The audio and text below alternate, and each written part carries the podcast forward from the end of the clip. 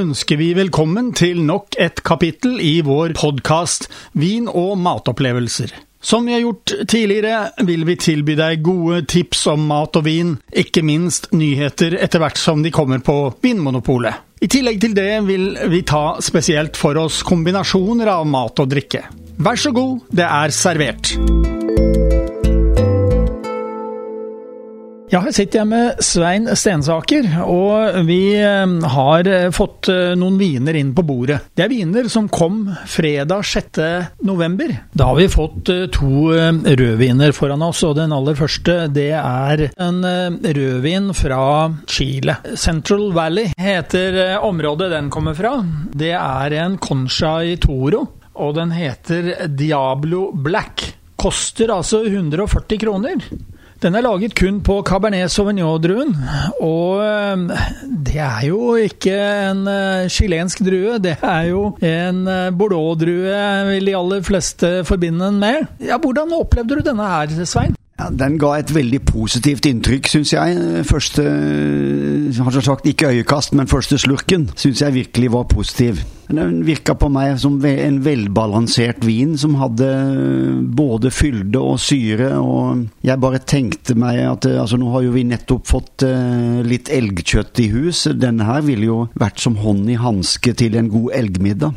Jeg er ikke noe viltekspert, men jeg har blitt fortalt at eh, elgkjøtt har en viss eh, sånn eh, sødme i seg. I hvert fall når det blir godt stekt som det skal stekes. Og denne her den har et sødmefullt preg, og da vil jo det matche veldig bra, etter det som jeg kan tenke meg. Ja, altså den, den later liksom som den er søtere enn den faktisk er. Altså, er jo, det er jo en tørr rødvin, og, og, og den vil jo da passe til langstekt elg, sånn som vi pleier å gjøre det. Og, og, da får du også fram eh, det beste i elgen når man setter elgen på la oss si 100 grader i stekeovnen og lar den stå i en 8-10 timer i en, eh, i en sånn slemmertopf. Med denne vinen til da, så er det jo et, eh, et lykkemåltid, rett og slett.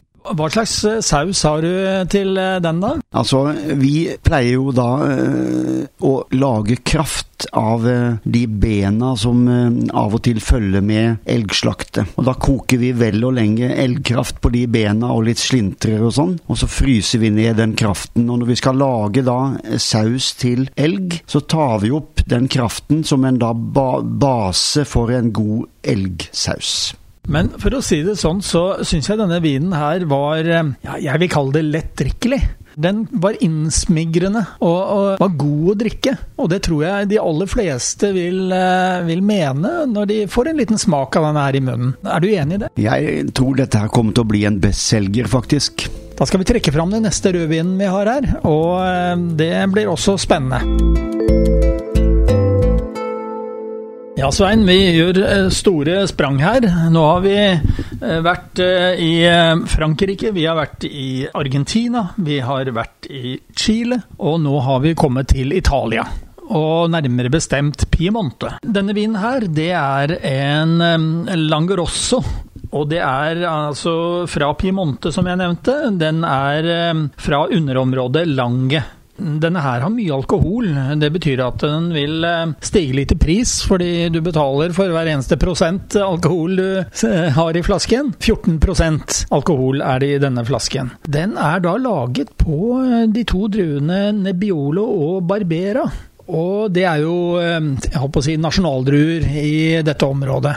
Koster 175 kroner flasken. Ja, men hvordan opplevde du denne vinen her? Denne her var jo også et, et glimrende hva skal en si, møte med ganen, det vil jeg påstå. Altså, man, man kjenner nesten uh, at uh, du har både Nebbioloen og Barberaen uh, i en søt blanding i glasset. Altså det, er en veldig, veldig god uh, miks, syns jeg. Og den gir en balansert vin. Det er jo sånn da at eh, når alkoholen stiger i vinen, så, så vil den eh, få et sødmepreg. Fordi eh, det er en av effektene, blant flere, som alkohol gir. Og denne Det var ikke mye motstand i, i munnen når du fikk denne inn.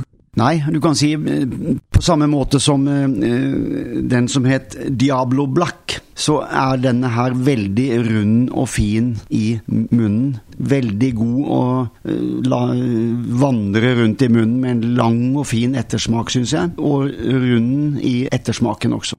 Vanligvis eh, når jeg smaker eh, viner av Nebbiolo, så syns jeg den kan være litt eh, tøff i ganen. Ja, de, de, har mye kraft og fylde, men også garvestoffer. Her merket jeg ikke mye til det.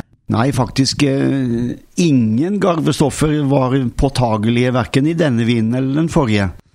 Det kan være av eh, forskjellige grunner. Jeg tror nok eh, både siden det er eh, Nebbiolo i denne her, så, så, er det jo slik at det er garvestoffer. Det er jeg helt sikker på. Men de kan være litt integrert inn i vinden. Så de, du merker ikke så mye.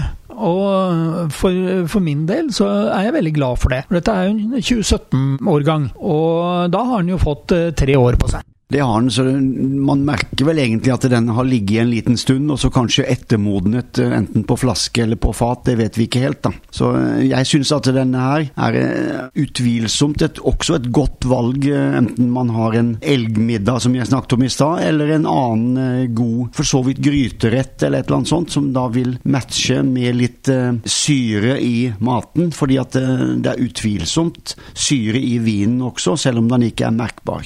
Og hvis det er sånn at vi burde ha litt eh, mer struktur og syre på denne vinen, så bør man da kanskje servere den litt kjøligere. Det er bestandig et, eh, et, godt tips. Nå er det jo slik at i Norge generelt så gis vel det rådet at man skal heller senke temperaturen på rødviner en par-tre grader, framfor å ha de nærmest foran peisen, som det var vanlig i gamle dager. Og når vi først er inne på det, så er det jo veldig mange, i hvert fall i designverdenen, som har fine vinstativer oppe på toppen av, um, av kjøleskapet. Det vil ikke jeg anbefale. Altså, det må man gjerne ha hvis man eh, langsomt vil ødelegge den vinen man har kjøpt inn. Så er det en, en, en ypperlig måte å gjøre det på. Men jeg vil nok sterkt anbefale kald og mørk lagring, eventuelt i kjeller eller i eget vinkjøleskap.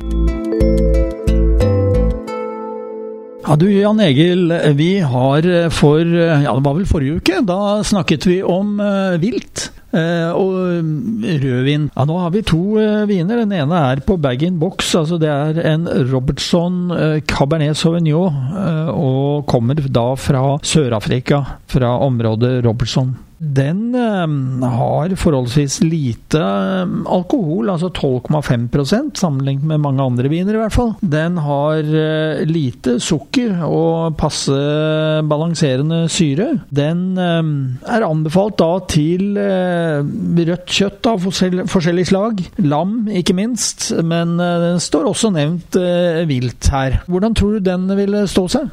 Jo, jeg tror eh, faktisk overraskende mm, mye vin for pengene. Vi skal huske på her er det en, en bag-in-boks på tre liter, altså fire flasker, som koster da nøyaktig 400 kroner. Det er 100 kroner flaska. Det er jo en rimelig vin i dag. Og til den prisen, så om jeg ser bare på uh, si, smak, aroma, hvordan den framstår for oss, så er det en ålreit vin, en god vin til den prisen. Fullt brukbar til nokså solide kjøttmiddager. Det er ikke så mange andre rødviner i dag til 100 kroner flaska som jeg ville sagt det samme om. Så den, den får et godkjentstempel av meg til, til den maten vi snakker om nå, Karl Erik. Og så har vi en uh, annen vin i det glass nummer to. Det er en Le Dauphin Cotteron Cuvée Special, heter den.